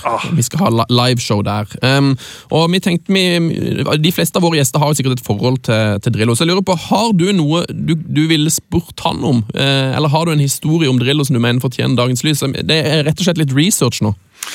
Drillo er jo en uh, legende. Det er en levende legende. og Jeg satt senest uh, på søndag med han i uh, studio i, i Fotballekstra. Og, og han, han syns jo fotball fortsatt er like gøy som han alltid har syntes. Det beste minnet mitt med Drillo var egentlig da vi var oppe på Finnmarksvidda og dekka slaget om vidda mellom Kautokeino og Karasjok. Og én ting at Davy Vatne er populær over hele Norges land, iallfall store deler, men det å se hvordan Drillo Drillo ble tatt imot der oppe på Finnmarksvidda. Det var altså en spiss som heter Nippa på Kautokeino, som skåra mål i kampen. En, egentlig en slakter, men var den store stjerna på Kautokeino. Og, og han kom inn på utestedet i Kautokeino. Jeg sier utestedet, det var ikke så veldig mange av de. Eh, men han kom inn etter kampen og hadde nesten tårer i øynene fordi han hadde vært hjemme og sett kampen i opptak, og der hadde altså Drillo skrytt av Nippa som fotballspiller. Skrytt av bevegelsene hans. Altså, det sier bare litt om, om, hva Drillo betyr for det norske folk. Han er jo ikke en, en, en mann jeg har sånn kjempemange historier rundt, for jeg har stort sett eh, jobba med han. men han har jo med seg den selvfølgelig geografiboka si uh, jorda rundt, og uansett hvor han er, så er det opp med den og pugge videre og kjøre quizer. Så, så det, blir noen, det blir vel noen spørsmål også fra geografitimen til, til Drillo når dere skal være så heldige å få, få besøk av han. Der må iallfall hilse han så mye og si det er en glede og en stor ære å få lov til å være en del av, av laget hans. Deilig. Uh, Jesper, jeg vet at du skal på Nyhetskanalen om en, en, liten times tid, så jeg tror vi skal gå til ukas drømmelag, så får vi se om vi rekker noen av de veldig veldig mange lytterspørsmålene etter det. Er ikke det en bra plan? Helt topp. Yes! Oh, yes! Heia fotball! Oh, yes. Hva er ukas drømmelag? til Ukas drømmelag er at gjesten tar med seg et eh, lag som han drømmer om eh, at skal spille sammen. Eh, det kan være et artig lag, det kan være et konseptlag, det kan være begge deler. Det kan være et elendig fotballag. Og Nå er det klart for historiens andre, eller kanskje til og med tredje Jesper Mathisen-drømmelag. Mm. For du har vært der to ganger før. Det har jeg. Så jeg fikk jeg utfordring med å sette opp et lag. Jeg husker ikke nøyaktig hva slags lag jeg satte opp før, men jeg har i alle fall nå valgt en vri med spillere som jeg har spilt med, og som jeg fortsatt treffer i Kristiansand. altså Spillere som jeg, som jeg har litt mer, eh, litt med, å gjøre da, på, på forskjellige, forskjellige, måter. Jeg har ikke satt opp noe lag. Jeg har satt opp en, en liten spillerstall, faktisk. For jeg, jeg var ute og jogga meg en tur i uh, Damores uh, og fikk ut litt frustrasjon. Jeg løp alene, så jeg måtte skrike og vrele og diskutere litt med meg sjøl. Men da tenkte jeg liksom gjennom hva slags lag skal du sette opp, og jeg falt ned da på, på følgende utvalgt i dette laget. Så hvis det er greit for dere, så, så kjører jeg bare i gang. Ja, det er som en slags landslagstropp der, da. Ja, det blir egentlig det. Det blir ingen powerpoint, men det får vi ta neste gang. Den ene og den første spilleren som er med, han eh, var i Kristiansand for noen år siden. Nå er han i uh, Serbia. Men jeg så et Instagram-bilde fra han i går om at han er i Kristiansand, så da syns jeg det er godt nok til at Branko, Branislav Milisevic, Stats venstrebekk for noen år siden, han kommer inn i denne stallen. Ikke først og fremst fordi han gjorde på banen, men rett og slett fordi det var en entertainer utenfor banen. Mannen som leasa en Audi fra en av Starts sponsorer, og han hadde kjørt tur-retur Beograd noen ganger, så det var jo kjørt alt for mange kilometer på denne bilen. Men den siste gangen han kjørte til Beograd, så kom han opp igjen med en bil som hadde mye mindre kilometerstand. Der hadde de altså på et offisielt Audi-verksted bare gått inn og skrudd ned antall kilometer, så han kunne levere bilen inn uten å måtte betale noe ekstra. Han var også veldig glad i eh, damer. Det er han sånn sett eh, fortsatt. Han kom inn på Harvis, utested i Kristiansand, i fullt sponsortøy en gang. Noe spesielt vil kanskje noen si. Og det viktigste av alt, han kobla meg opp med Mariana. Mariana er da den eh, doktoren nede i Beograd som uh, bruker uh, morkake og diverse andre ting Oi. for å helbrede strekkskader. Jeg vet ikke om jeg har fortalt denne før. Altså, jo, jo, jo, jo, det er hun her, ja. Ja. Har jeg fortalt denne historien før? Jeg har ikke hørt den. Det eneste jeg har hørt om sånne ting, jeg tror jeg Frank Lampard eller Rooney eller noe som ble behandla. Ja. Vi kjører den historien. Det ja. kan jo være nå at det kommer historier som dere har hørt før, men vet du hva, folkens? Det er verdt det de er ofte så gode at du kan høre dem både én og to ganger til. Mariana holder til i Beograd. Jeg fikk meg en strekk på baksida av låret. Dette var i april. Da kom det veldig mange kamper de neste ukene, og jeg var egentlig villig til å gjøre hva som helst for å bli frisk. Egentlig var jeg ute i åtte til ti uker, men eh, Branko fikk eh, kontakt med Mariana. Jeg booka meg fly til Beograd, la meg inn på et hotell som disse gærningene hadde, hadde booka, og skulle da på behandling dagen etter. Det kosta 500 euro cash hver eh, time hun behandla, så det var en ganske dyr behandling. Men jeg var desperat på å komme meg tilbake på banen, så dette betalte jeg av egen lomme. Start betalte selvfølgelig ingenting, for jeg kunne ikke si at du jeg skal reise til Beograd og møte ei som heter Mariana, og hun skal prøve å helbrede meg. Det, det, det kunne jeg ikke, så jeg måtte ta dette på, på egen regning. I alle fall, Jeg kom inn der eh, på et eh, rom. Eh, det var ei fin bygning med fullt av kontorer, og der inne hadde hun et par kontorer som hun da hadde rigga seg i. Eh, Behandlinga foregikk som så at man fikk smørt på en eh, type krem eh, slash salve der man hadde skaden sin. Og så hadde hun et apparat som da liksom sendte strøm gjennom muskulaturen. For noen som har prøvd Det er noe som heter kom, Compede eller Compax Altså Com Compex. Compex, ja. Ja, Compex, er ikke det? Eh, Det sender liksom litt sånn strøm. Det, det er noe av det samme, men hun har jo da en sånn en, en hemmelig blanding som, som eh, kun hun og dattera hennes vet hva inneholder. Eh, Men det skal ikke være noe ulovlig. da. Det, det er iallfall det som sies, og jeg har aldri blitt tatt i noe kontroll, verken før eller siden, så det må vi vel kanskje tro at er greit. Men i alle fall, jeg fikk behandling to timer den ene dagen. Jeg fikk behandling to timer den neste. Og etter det så skulle jeg ut med sønnen til Mariana for å teste meg i en park. Og jeg kom ned der, og jeg kunne altså ikke jogge. Jeg kunne akkurat gå. Men den dagen så eh, sparka jeg ball. Jeg kunne løpe igjen, jeg kunne jogge igjen. Og jeg reiste hjem og mellomlanda i Frankfurt, som er en helt ufattelig stor flyplass. Ja. Og jeg måtte altså løpe fra den ene enden til den andre, men det gikk også fint. Låret mitt var faktisk eh, helbreda, låret mitt var faktisk friskt, og jeg tok et ultralydbilde før behandlinga starta der nede, og de tok et ultralydbilde etter behandlinga var ferdig, og strekken var rett og slett borte. Wow! Fy fader! Og hun har, eh, hun har også behandla Van Persie, Frank Lampard, Liverpool har ville hente henne til eh, sin klubb, Barcelona, Real Madrid.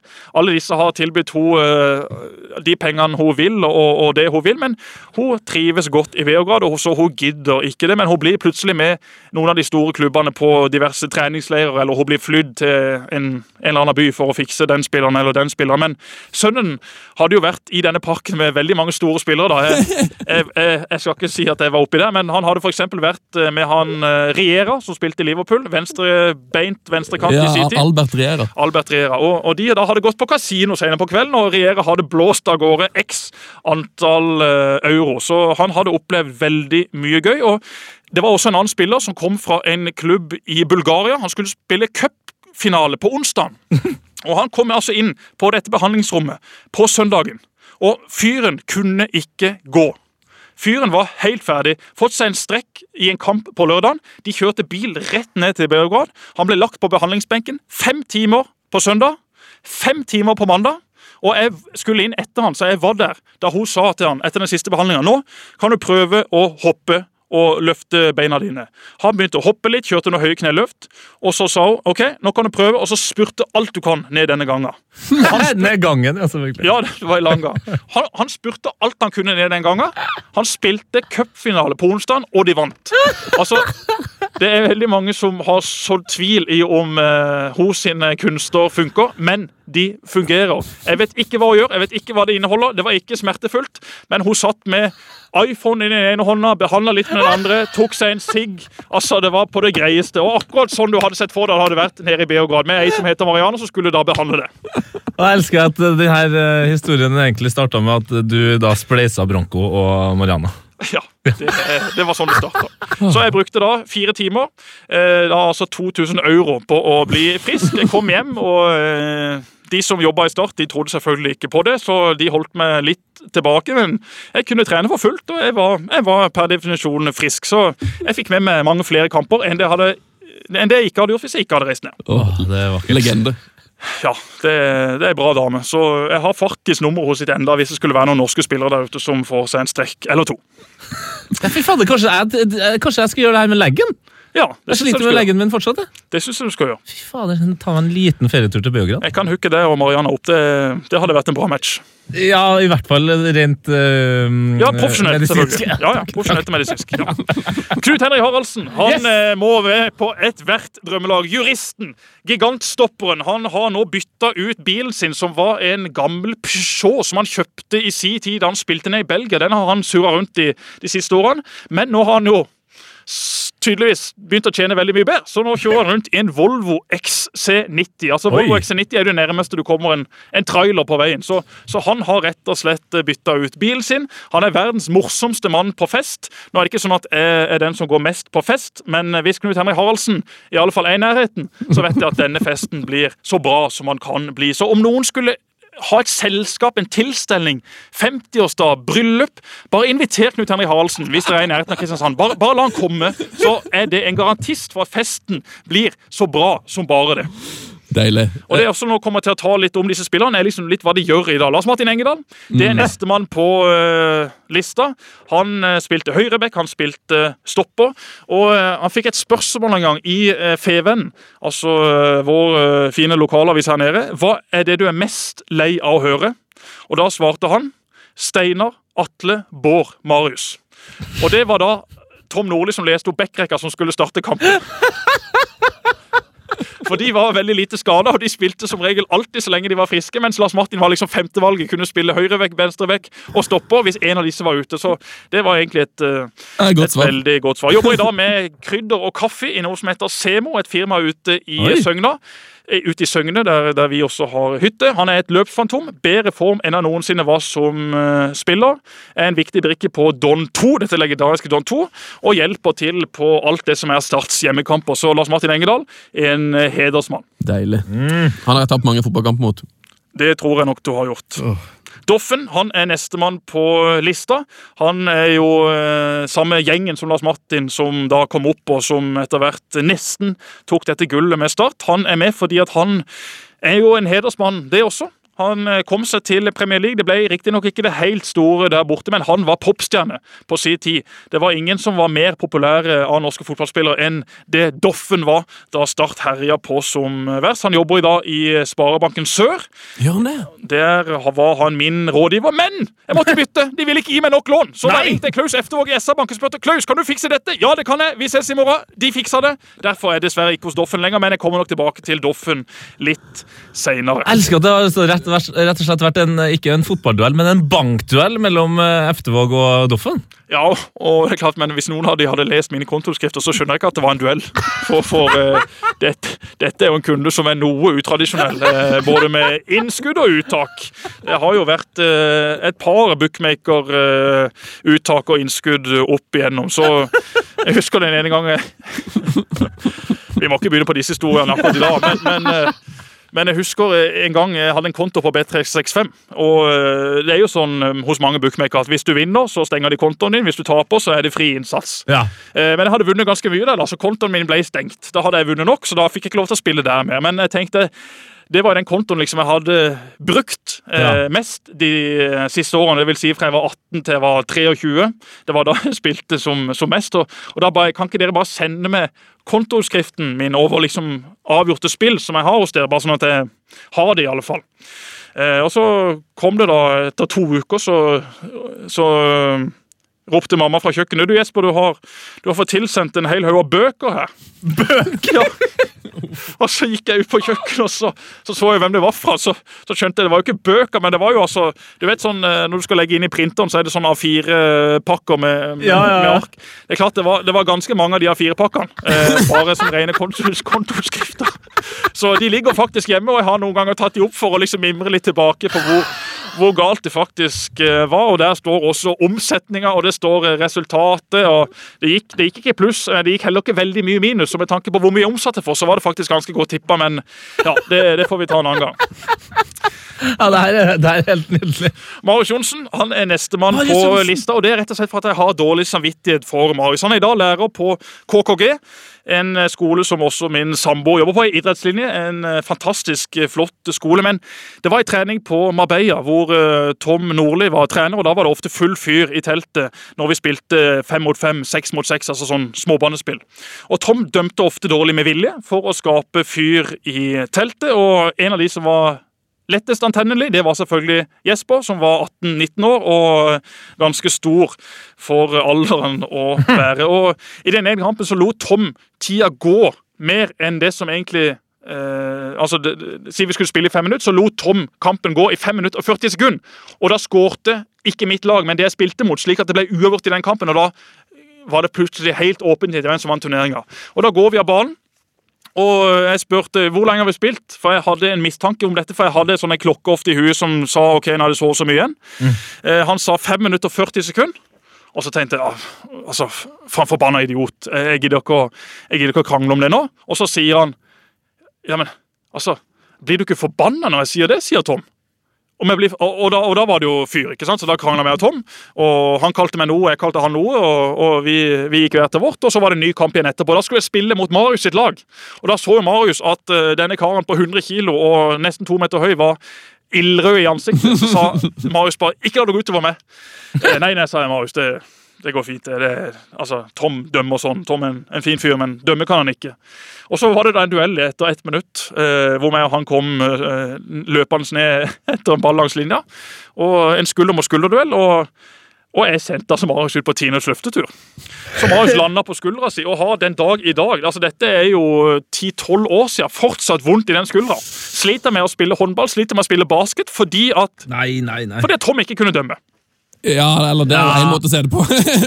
En måte å si det på. Tom, meg og Tom er gode venner i dag, men eh, akkurat den dagen da var vi ikke så gode venner. Espen Hoff han er nestemann. Han er med fordi at han i likhet med Ole Martin Aas må være helt i verdenstoppen hva gjelder hyggelige mennesker.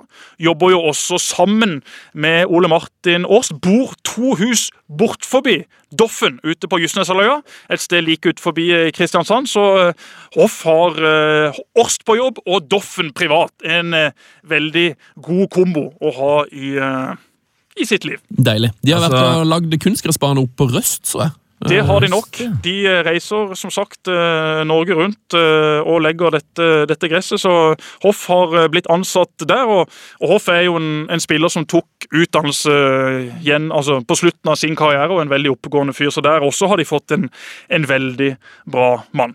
Spiller nå på Don 2.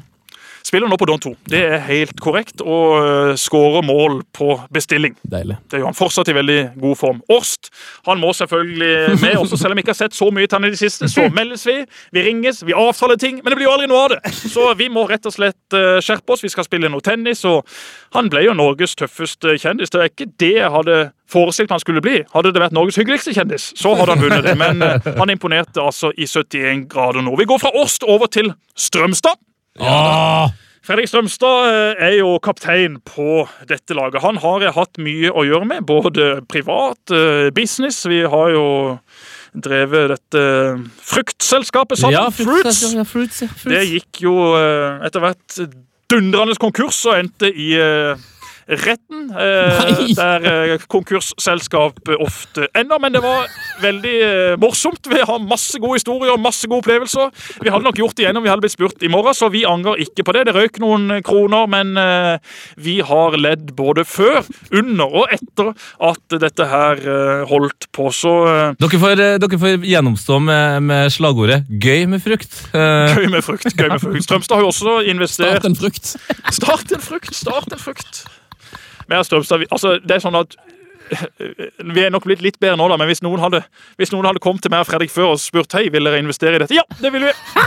Det vil vi. Det har vi troa på. Ja, Dette ja. hørtes gøy ut. Vi kjører på. Men vi tok altså opp vi tok opp så mye frukt, og det endte så mye frukt i den brune dunken oppå søppeltømminga. Det, det koster mye penger til og med å kaste frukt. ja, kanskje et kompostselskap dere skal ha? Ja, kanskje det. Frukt en drøm. Kanskje det. Men eh, Strømstad driver jo i dag faktisk ikke med frukt, for det gikk jo ikke. Men nå driver han med, hold dere fast, Norges bleikeste mann driver med solskjerming! Hæ? Ja, han selger solskjerming. Utvendige persienner, innvendige persienner, rullegardiner. Eh, Nå husker jeg ikke hva disse tingene heter, men han har et eh, selskap. Det heter vel Rektor solskjerming, tror jeg. Eh, han har da noen leverandører nede i Polen og Litauen som han til stadighet reiser ned og bestiller eh, av, og sjekker varer osv. Har han, markiser? Om han har markiser. Du har jo hørt om Kjells markiser. Ja. Det er ikke veldig lenge du hører om det. Snart er det Fredriks markiser. Han, han, han, han er rundt og monterer sjøl og styrer på. Jeg har et kontor her rett med Monterer han markiser? Ja! Han monterer, han vedlikeholder ting. Det er jo dritvanskelig! Nei, Han har teknikken, han har lært seg dette. Det kan ikke være så vanskelig når han har lært seg det. Jeg har et kontor eh, 100 meter fra det bygget jeg sitter i nå, nede på Bystranda i Kristiansand. Og jeg satt her og spiste lunsj, eksempel på tirsdag, og eh, kikker ut av vinduet etter å ha glefsa i meg noe salat, og jøss, der står Strømstad på utsida og monterte solskjerming. Da var det noe galt. Det var et eller annet bana som han måtte vedlikeholde. Så, så Strømstad er virkelig på jobb. Bor du på Sørlandet, trenger du solskjerming, ring 995-22007. Det er nummeret til Fredrik eh, Strømstad. Verdens blekeste mann som selger solskjerming. Rett og slett en Jeg ser for meg at han må ha noen ganske høye stiger til, hvis han driver på å montere I eh, Han må ha både stiger og lifter. Det er klart at han, eh, han får ikke så mye gratis med tanke på alle de centimeterne han ikke har. Men han, han, han får det til, altså. Han er flink. Han står på ja, Du, du, må, du er nødt til å gi oss eh, tilgang på et bilde som er på Facebooken din, Jesper. For der er kanskje det morsomste bildet som finnes på internett. eh, Nemlig et bilde av Fredrik Strømstad i ei stor trenerjakke eh, på en Don-kamp. Ja, det var å bruke det. Men det, det, det, det er et bra bilde. Vi var spikere på en Don-kamp, og i pausen så kjeda vi oss. Og Strømstad hadde på seg sinnssykt stor jakke. Og vi har et bilde hengende hjemme hos uh, mamma, der pappa en gang sto på samme måte oppi noen gedigne sko. Så da tok jeg av meg mine sko, og Strømstad hoppa ned på knær. og Det ble jo faktisk et bra bilde, så Det det må det dere bare bruke som mye dere vil. Ja, Det er et veldig gøy bilde. Det skal vi få lagt ut på P3 her fotballens Instagram. Det Det er det bare å nyte det. Så har jeg med da Ole Gerhard Sørensen, en spiller som nok ikke så veldig mange ut forbi Sørlandet husker. Jo, jo, jo. jo. OK, alle du- jeg- ikke Ole jeg- Du er ikke ut forbi jeg Sørlandet. Jeg bare, jeg bare minner om at du skal på jobb etterpå, Jesper, så du må bare si fra hvis du Ja, må det, gå nå. det går fint. Det går fint. det. Det går fint. Uh, jeg skal bare snakke om eh, Rosenborg Ajax, så, så det, Det har du allerede gjort. det har jeg allerede gjort. Uh, men iallfall Ole Gerhard det er jo en, eh, en kar som kjørte meg veldig mye til treninger, for jeg hadde jo ikke alltid lappen da jeg begynte å være med og trene med A-laget, så han er egentlig med på bakgrunn av det. I tillegg er han en eh, stor United-fan, som mm. jeg liker eh, godt. Han har også en lun, fin humor, og så er han en av våre ikke faste gjester i min lille podkast her på Sørlandet, men han kommer alltid inn. Hvis ikke vi får noen gjester, så tenker vi ja, ja, Ole, vi får inn det. Han kan snakke om det aller, aller meste.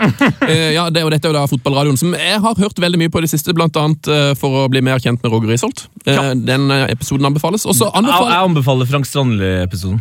ja, Fra- Frank er jo levert. Jeg traff Frank, her, eh, traff Frank eh, faktisk på mandag, på søpla. Da hadde Frank vært ute og kasta noen ting, og jeg skulle ut for å kaste noen ting, så jeg fikk ikke snakka med ham, vi vinka. Frank, Frank er alltid på jobb. konge. Altså, vi kan jo anbefale Ole Gerhard Sørensen hadde vel et veldig fint intervju med Tor Christian Karlsen. Er det første store intervjuet med Tor Christian Karlsen etter han kom til Start. Stemmer. I Kristiansands Avis der har han intervjua Tor Christian Karlsen om hans eh, tanker og, og, ja, og noe av det han har eh, vært med på. Herved anbefalt. Det er hyggelig. Morten Hestad han har jeg ikke snakka med oh. på all den tid, men Doffen. vi har ringt eh, altså lillebror til Doffen, Mini-Doffen. Vi har ringt om hverandre nå i ja, vi må ha ringt om hverandre i seks måneder, tror jeg. Han ringer meg, jeg ringer han et par uker etter, så ringer han, og så passer ikke det. Altså, Vi har ennå ikke fått tak i hverandre, så han må jeg få ringt. Men jeg har aldri spilt med en spiller eh, som var så godt trent. Han eh, kom ut av sin mor, og da må han ha hatt sixpack allerede da. Og han var rett og slett eh, gjennomtrent og vant alt det som var løpstester, uansett om han hadde vært skada, uansett om han ikke hadde trent.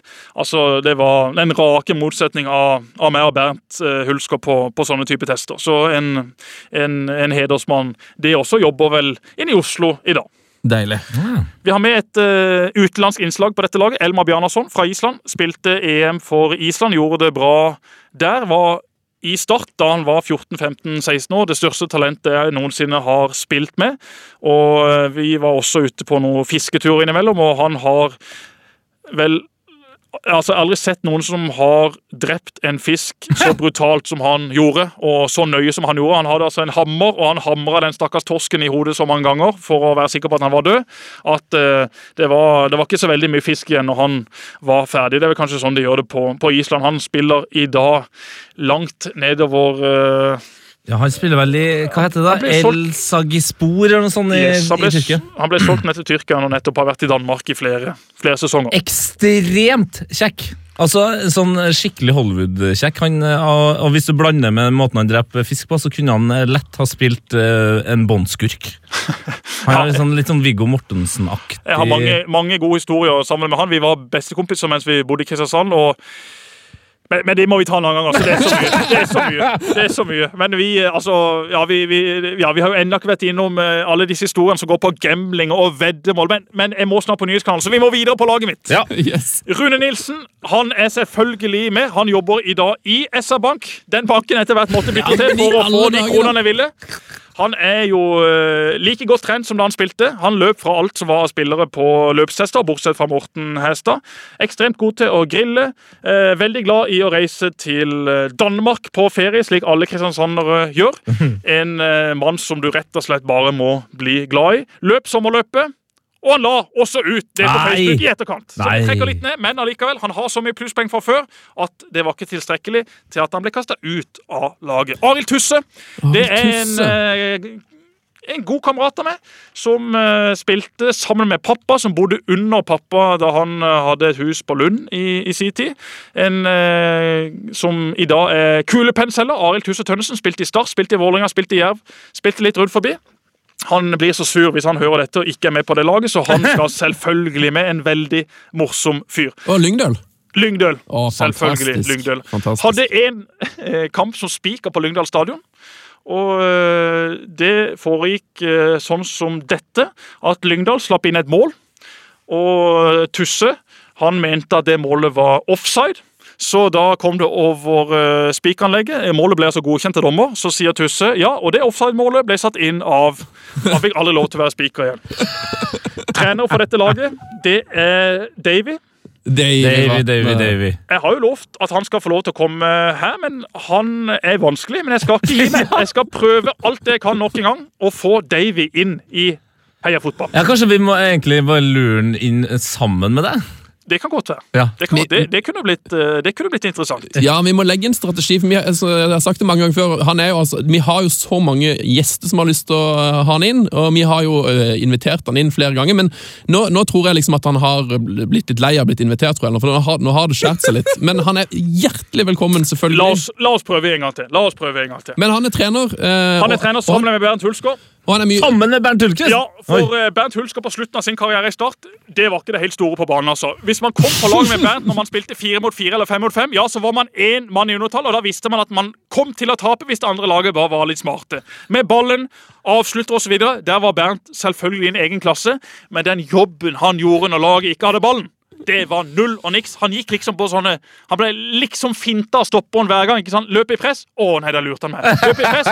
Å, der lurte han meg. Frivillig lurt. Det er mange spisser som har det sånn, men Bernt skal selvfølgelig være med her. Og Roy Emanuelsen er mediesjef på dette laget. Mediesjefen eh, til Start, mannen som jeg har spilt inn 192 episoder av Starts julekalender med, han Ja. er selvfølgelig inn på dette laget, og vi gjør oss klar til en ny sesong av Starts julekalender i desember 2017. Mange spør jo har du hatt noe utdannelse innenfor media. Hvor har du fått alle, alle erfaringer fra? Jo, jeg har spilt inn Stats julekalender. Det må da være nok, det for pokker. Tenk all den praksisen. Det er jo, den, altså det er jo mye bedre. Jo, I tillegg så har jeg faktisk ei arbeidsuke på Feven da jeg var 14 år. Satt på desken og, og hjalp eh, de som satt der med forskjellige ting. Det er sterkt. Det er sterkt. Det er jo veldig sterkt drømme, en drømmetropp. Altså En drømmetropp. Det var bare noe jeg rabla sammen i stad. Så uh, vi har veldig mye mer å komme med rundt disse, men nå må jeg faktisk snart opp, for nå sitter Finn Gnatt i stolen der Ja.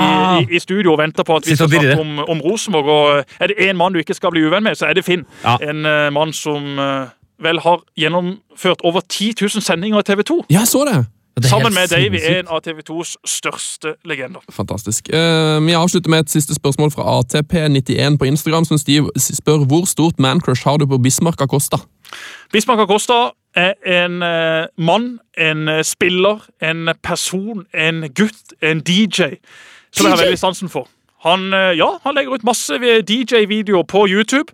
Har ambisjon om å bli vel ikke Matoma eller Kygo eller i den gata, men han, han, han syns iallfall sjøl at han er ganske flink. Eh, personlig syns vel han er helt OK. Han er bedre til å være DJ enn han er til å fikse seg på håret. Såpass, Ja. såpass kan jeg vel si. Men jeg har alltid hatt sansen for han. Jeg spilte sammen med han. Den beste stopperen jeg har spilt eh, sammen med. Og da Brann kjøpte han, så var jeg veldig sikker på at han kom til å bli en god signering. Så eh, ja da, jeg kan gjerne ta på meg etter å ha mancrush på Bismarck Acosta. En eh, strålende mann som vi alle trodde heter Bismarck, med K på slutten. Ja. Og vi gikk rundt og kalte han det i alle årene han var her, og han sa det sjøl. Og så kommer kommer til Bergen, og så ser jeg jo på navnet hans og lagoppstillingen at han heter jo ikke det, han heter jo bare Bismar. Han sa det det.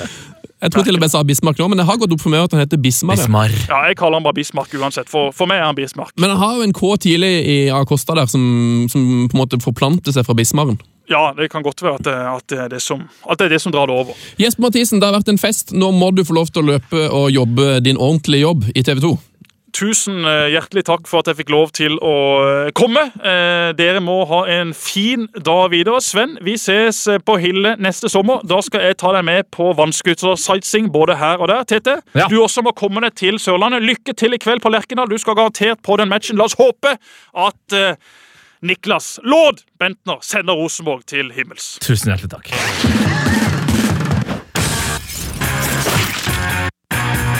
Heia fotballs glory Oh, yes! Velkommen til Fotballs Glory Hall. Det vakreste, det nydeligste, det aller mest magiske stedet i verden. Grunnen til at jeg sa magisk nå, er at det er opptil flere eh, fotballinteresserte mennesker jeg kjenner som har eh, lynsja ut mot eh, fotballjournalistikken som bruker eh, ordet magi, eller magisk for mye i det siste. Men er det ett eh, fotballrelatert sted som, eh, og, eh, og plass ja, eh, som fortjener det, så er det Glory Hall. Det er altså da en stjerne langt der bort i den andre Melkeveien, eh, hvor gresset er grønnere enn gresset bak deg her. For nå sitter vi altså i et eh, MP3-studio som har altså en veldig stor Ja! plakat av MP3-T-skjorter som henger og tørker over en eng. Altså, det er så 90-talls, det som foregår. En veldig, veldig grønn gressplen eh, i studio i dag. Det er jo veldig koselig. Eh, litt om her Fotballs Glory Hall. Vi har hylla mange av våre helter der. Cristiano Ronaldo er der. Mm. Eh, Javier Zanetti er der. Paul Scholes. Eh, Emmanuel Sanon. Ja. Vår første lytterhold, tror jeg. Arild Berger blitt hylla. Morten Berre, Adriano, Stefan Givars, Arne Skeie, René Higuita, Erik Myggen Mykland, Ronaldinho, Ledley King. Skal du si alle nå? For Nei, nå sier jeg de første som vi tok inn. Jeg telte meg ned nå fra, mm, eh, fra episode 16. ja, for det, det som er sykt, det er at eh, vi skal jo eh, 28. Eh, 28. September. september, en torsdag, ha vår nydelige, fantastiske eh, livepodkast på Rockefeller med Egil Drillo Olsen. Og jeg har jo egentlig i det siste liksom gleda meg veldig til at vi skal sette den inn i Glory Hall eh, på den dagen, foran eh, deg, forhåpentligvis, som hører på. Eh, det er bare å komme. Eh, billetter finner du på et eller annet internettside. Det er, ikke, det er ikke mitt ansvar. Eh, internett, det er Nesja Lars. Eh, men vi har allerede satt inn eh, Egil Drillo Olsen. Det har vi. Men eh, i vår Glory Hall så er jo Niklas Bent nå to ganger. Ja. Så det er faktisk eh, innenfor regelverket mulig å hylle Drillo en gang til. Ja, kanskje vi skal gjøre det. Men jeg må bare spørre deg en ting før vi tar dagens hyllest. Ja. I vår Glory Hall Mm. er Battistuta der. Han er der. Så bra. knallhardt. Eh, vi har fått eh, nok en fantastisk lytter etter at eh, du, mm, Sven En fantastisk Lytterhold. Eller Lytter. som dere sier på Sørlandet, lytterhold. Lytterhold. Lytterhold. Eh, fra en eh, godeste Han heter altså Nei, han heter altså Kjerran Øvstebø. Kjæran, ja. Jeg så han eh, har begynt å følge oss på Twitter òg nå. Kjæran, er det et fornavn? Ja, det tror jeg. Det er et stedsnavn. Kjæran. Ja, det er litt Jeg eh, kommer fra Kjæran. Ja, nei, det er, det Utenfor Kjæran på Kjæran. Litt, litt spesielt. Det er kanskje ikke så veldig mye brukt for navnet. Norge. Men uh. Fantastisk navn, fantastisk fyr. Han skriver her Hei gutter, først og fremst en pinlig innrømmelse. Jeg har ikke fått med meg denne fantastiske podkasten før i vår. Selvfølgelig helt krise, men gud bedre hvor mye god underholdning jeg har hatt i sommer. Gratulerer, tusen takk, vær så god. Takk, vær så god. Et lite problem har det imidlertid ført til. Det er sykt forvirrende å høre Transfer Talk fra 2014 på podkast, lese om Transfernytt sommeren 2017 og selv gjennomføre fornuftige spillekjøp på FM i 2019. Løsning på utfordringen mottas med takk. Da tenker jeg at uh, våre lyttere, ja, du som hører på, kan bidra med en sånn løsning uh, på heiafotballkrafnrk.no. Og hvis du har en glory roll, send hun også til samme adresse. Ja. Heia fotball. Krøllalfa. nrk.no. Ja, eh, Før jeg går inn i gang helt med, med Glory Rollen her, så har han en liten, liten forklaring til. Eh, så til saken. Min favorittspalte er den aldeles nydelige Glory Roll. Fantastisk masse herlige mennesker her, spesielt Batistuta. Batigol! Men en mann mangler. En mann som det er komplett skandale at uh, har uh, kommet bak 130 pers eh, personer i køen. Ja. Det kan jo være mange. Det mangler mange store navn. Det mangler altså så ufattelig mange. Så nei, jeg tenker vi um, Rulle ut hålen? Ja, eller skal jeg bare starte litt tørt her? Ja, så gjør, gjør som du vil. Mannen jeg skal fram til, er intet mindre enn en italiensk fotballegende. Han er en klubbmann av ypperste klasse. En selvskreven kaptein, og ikke minst en ekte gentleman. Mer om det siden. Han ble født i Congliano Venoto i 1974, og debuterte i Serie B for Padova som 17-åring i mars 1992, før han flytta videre til Juventus etter kun én sesong i Serie B. Etter å ha skåra ett mål på sine to første innhopp for den gamle dame, markerte han sin debut fra start med hat trick mot Parma lett når du kan det. Og i 1995 overtok han drakt nummer ti fra selveste Roberto Baggio. Legenden var født. Vår mann ble værende i Juventus i hele 19 sesonger og spilte 705 kamper og skåret 290 mål! Og var med på å vinne alt som er verdt å vinne. Seks serier, én Serie B, én Coppa Italia, fire Supercoppa Italiana, én Champions League, én Uefa Supercup, én Intercontinental Cup, én Uefa Intertoto Cup. Ja, han har selvsagt både flest kamper og flest mål for Juventus. Han var kap kaptein i 11 sesonger, og han har 17 sesonger i serien med mer enn 10 mål. Han har skåra flest mål på frispark i seriehistorien, og han har skåra i alle turneringer han har vært med i. The list goes on. Herregud. I 2000 Nei, i tillegg til det her så har han intet mindre enn 91 kamper og 27 mål for Italia. Og han har vunnet både EM og VM. Og han har rekorden for flest skåra mål som innbytter på det italienske landslaget. Fem. I 2006 tok karrieren til vår mann en brå vending. Juventus ble flytta ned til Serie B. Juventus sto på bar bakke, og stjernene flykta i fleng. Ibrahimovic, Turam, Vieira, Canavaro, Emerson, Sambrotta flykta fra skipet som rotta. Men ikke vår mann. Ikke legenden og gentleman Alessandro Del Piero. Han skulle stå igjen som kaptein og styre skuta tilbake på rett kjøl. For som han selv sa, en gentleman forlater ikke sin dame i nød. Juventus returnerte til Serie A på første forsøk, selv om de starta med 15 minuspoeng. Juventus seilte gjennom Serie B-sesongen, og Del Piero ble selvsagt toppskårer. Og for en retur for vår mann. Del Piero ble toppskårer i Serie A for første gang i karrieren. Den dobbelen gjorde også at han ble den andre i historien til å bli toppskårer i både Serie A og Serie B. Da Del Piero ga seg som Juventus-spiller etter sitt siste seriegull i 2012, ville Juventus frede hans nummer ti-drakt. Men Gentleman nekta selvsagt. Klubben og drakta var større enn han sjøl. Alessandro Del Piero, en sann klubblegende og et særdeles, særdeles verdig medlem av Heia Fotballs Glory. Takk for meg. Det er altså da eh, eh, Kjæran Øvstebø. Wow. Jeg tror ikke vi skal si noe mer. Nei, kan vi si Alessandro Del Piero en gang til? Alessandro Del Piero en gang til. Alessandro Del Piero. En, En gang, gang til. Ok, det var Heia Fotball. Veldig hyggelig at du hørte på. Takk til Jesper Mathisen, som leverte 111 da. Ja, takk eh, til alle dere som fortsatt vurderer å komme på Rockefeller 28. september. Det er en torsdag. Gjør det til en langhelg. Gjør det til guttastemning, gjør det til jentastemning. Kom og opplev eh, Drillo sammen med oss. Eh, Hør på radioprogrammet vårt eh, på lørdag. I quizen der kommer vi til å dele ut to billetter til dette showet, hvis du er gira på å sikre deg to gratis innganger. ja. Uh, så da gjenstår det vel egentlig bare å si uh, Alessandro Del Piero en gang til en gang til. fuck off. Heia Fotball.